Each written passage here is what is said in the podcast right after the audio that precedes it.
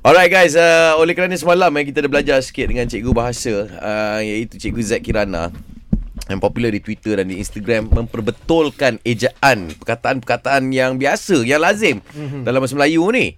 Kan? So agak menarik ah. Jadi Eh. kita nak jemput anda pula try. Uh, bat, bat.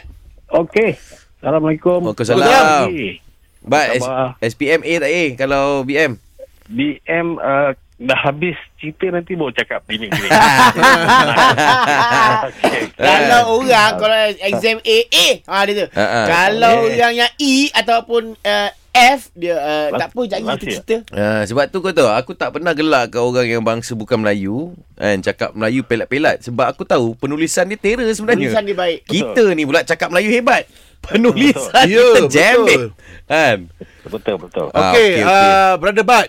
Betul. Okey, alright. Okey, yeah. sekarang ni kita nak uji Hmm. Yeah. Oh my. Oh. untuk hebat ni. ujian yang pertama. Ya baik. Kalau betul lah bahasa bahasa Melawak uh, bahasa Melayu awak yang tak kira kita cerita lah. Ah, ah, ah. Ah, ni kita dah- Okey, biasanya kita menggunakan perkataan antisocial. Biasa tu. Eh, eh, ya, okey. Okey? Okay. Okey. Uh, maksud Tak campur antisosial lah. apa ni? Sebab sebelum kita nak suruh ngeja, kita kena bagi tahu maksud antisosial ni apa ni. Silakan. Okey, okey. Antisocial ni. Okey, sabar, sabar. Saya yang kena terangkan. Anik terangkan dengan saya. ah, sabar, ya, Brother Bat. Melampau gerik. Okey, Orang dah antisocial. nervous Gila masuk exam ni. ah, ya, ya, ya. Tapi itulah dia. Okey. Antisocial ni Ha ah. Uh-huh. adalah seseorang yang tidak bergaul sesama sendiri. Tidak Okey. bergaul sesama sendiri. Maksudnya, dia... Sabar, eh. Okey, Bagi okey, saya okey. habis dulu. Maknanya, maknanya dia ada dua, dia ada dua. Oh, Oh, Maknanya lepas tu dia tak gaul sama sendiri. Dia, dia tak bergaul dengan orang lain. ah, Ah. okey okey ah, ya, ya, ya. Sesama orang lah kot. Sesama orang Ah, lah. okey.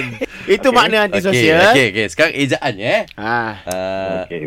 Uh, baik kau kena fikir tau ada ada dash ke tak ada dash ke uh, huruf besar ke huruf kecil ke dua perkataan okay. ke disambung sekali ke perkataannya anti social macam mana nak eja tu bat Okey, antisocial ejaan dia sebenarnya dia tak dia kalau kata bahasa Melayu ni dia ber- berjarak juga. A N T I. Okey, anti. S O S I A L. Okey.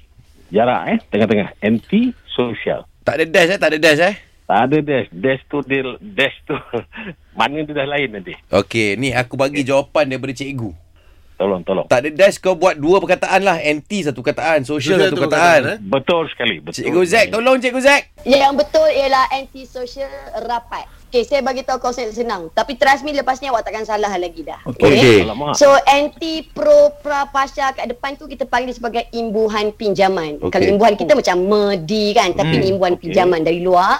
So dia huruf kecil sebab dia imbuhan saja. Eh? Ah, okey. So bila berjumpa dengan huruf kecil, okay, budak kecil boleh kawan dengan budak kecil betul tak? Dah. Budak umur 3 tahun sama-sama main hingus, buat belon pakai hingus. Okay, betul tak? hebat. Ah, tapi kalau budak besar tak boleh kawan dengan budak kecil. Boleh. Anti Oh. social dia eja rapat sebab dia budak kecil. Ah, okey okey okey. Ah.